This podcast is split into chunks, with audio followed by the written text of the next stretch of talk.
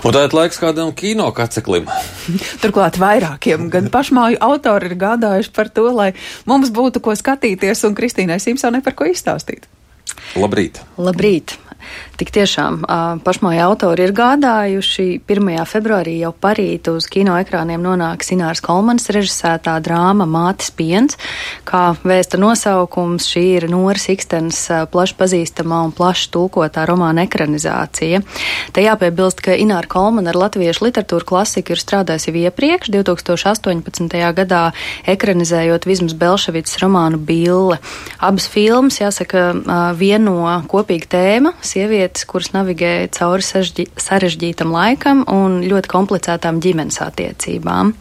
Uh, jāsaka gan, ka Kolmana Ikstens radīto darbu izvēlas stāstīt ļoti bīgi un reizēm pat šķiet konspektīvi, chronoloģiski virknējot ainas no pārsvarā nozīmīgākajiem varoņu dzīvi pagriezienu punktiem. Uh, šī stāstniecības maniera lielākoties šķiet distancēta, un uh, man noskatoties filmu, tā arī netap atbildēts jautājums, vai šāda klasiska lineāra stāstniecības spēja iztulkot romānu emocionālo un arī līdz ar to ideisko esenci. Bet tā tad no Latvijas nekur projām neejam. Man bija jautājums, jā. pirmizrāde taču ir tikai trešdiena, un tomēr ir kāds skatītāju lokus, kuriem ir iespēja vēl pirms pirmizrādes nostīties un izdarīt secinājumus. Jā, nu, jā. Tiem, tiem žurnālistiem, tiem ah. žurnālistiem ir. Jā teātros ir tas studentu pirmizrāde, un tad ir žurnālisti vēl pirmizrāde. Nu, jā. Protams, jā. taču fotografijas un, un, un, un arī jā, režisoras un filmā iesaistīto aktrišu ar billi arī sasaucoties. Starp citu, teiktais jau ir izskanējis tieši no šīs reizes, tā kā mēs kacekli esam redzējuši, atliek sagaidīt februāru un kino. Jā, atliek pašiem skatīties un pašiem vērtēt tālāk. Bet jā, kā jau es iepriekš jau nedaudz iepīkstējos no Latvijas kino tālāk, nekur arī nepārvietojamies, jo šonadēļ uz ekrāniem nonāk arī um, studijas animācijas brigāde uh, filma Lielais Indriķis.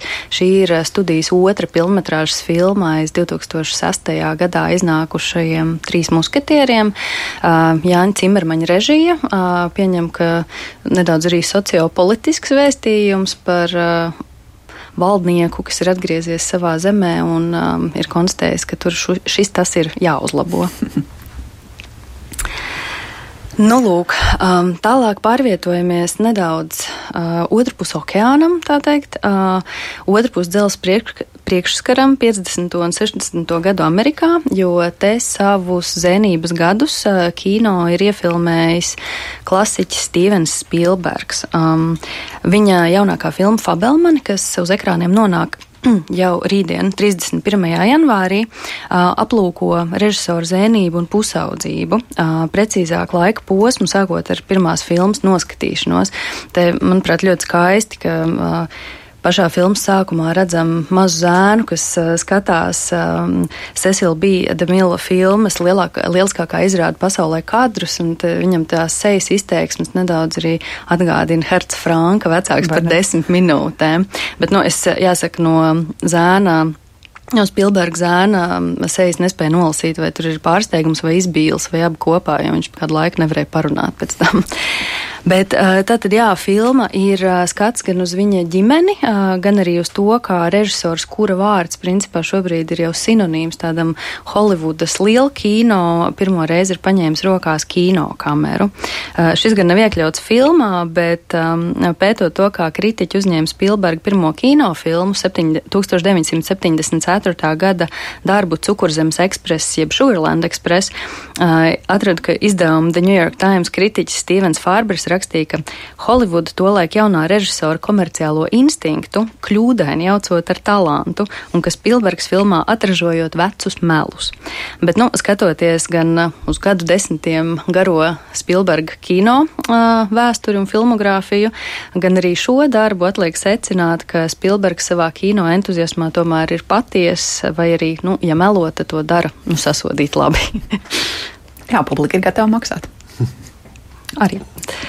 Un tātad trešais nedē, šīs nedēļas kino jaunums arī ir biogrāfiskā drāma. Nu, kino veidotāji un kino izrādītāji nu, gandrīz kā sarunājuši. Um, no 1. februāra uz ekrāniem būs skatāma Marijas Kreicers filma Korsete. Uh, tās galvenā varone ir ikoniskā Austrijas imperatora Elizabete jeb Sisī. Um, gatavojot uh, rakstu arī par, par šo filmu, um, atradu informāciju, ka pēdējo divu gadu laikā ir tapuši pieci kino un televīzijas daudz, jā. darbi jā, par Sisī. Viens no tiem, starp citu, arī vācu un austriešu kopražojuma seriāls filmēts divas sezonas Latvijā. Un šī filma, gan jāsaka, Marijas Kreicers korseta ir citāda. Te nav tās kostīmu drāmu, rišas un manierisma. Tas ir diezgan dumpiniecisks vērojums par to, ka patiesībā prasības par, pret sieviešu ārējo izskatu nav fundamentāli mainījušās kopš 19. gadsimta.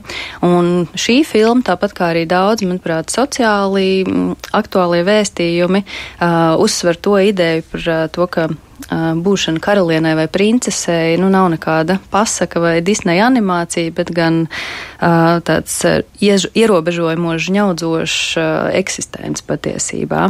Un filmas galvenā vērtība šeit nenoliedzami ir galvenās lomas atveidotāja luksemburgiešu aktrise Vikija Krīpsa.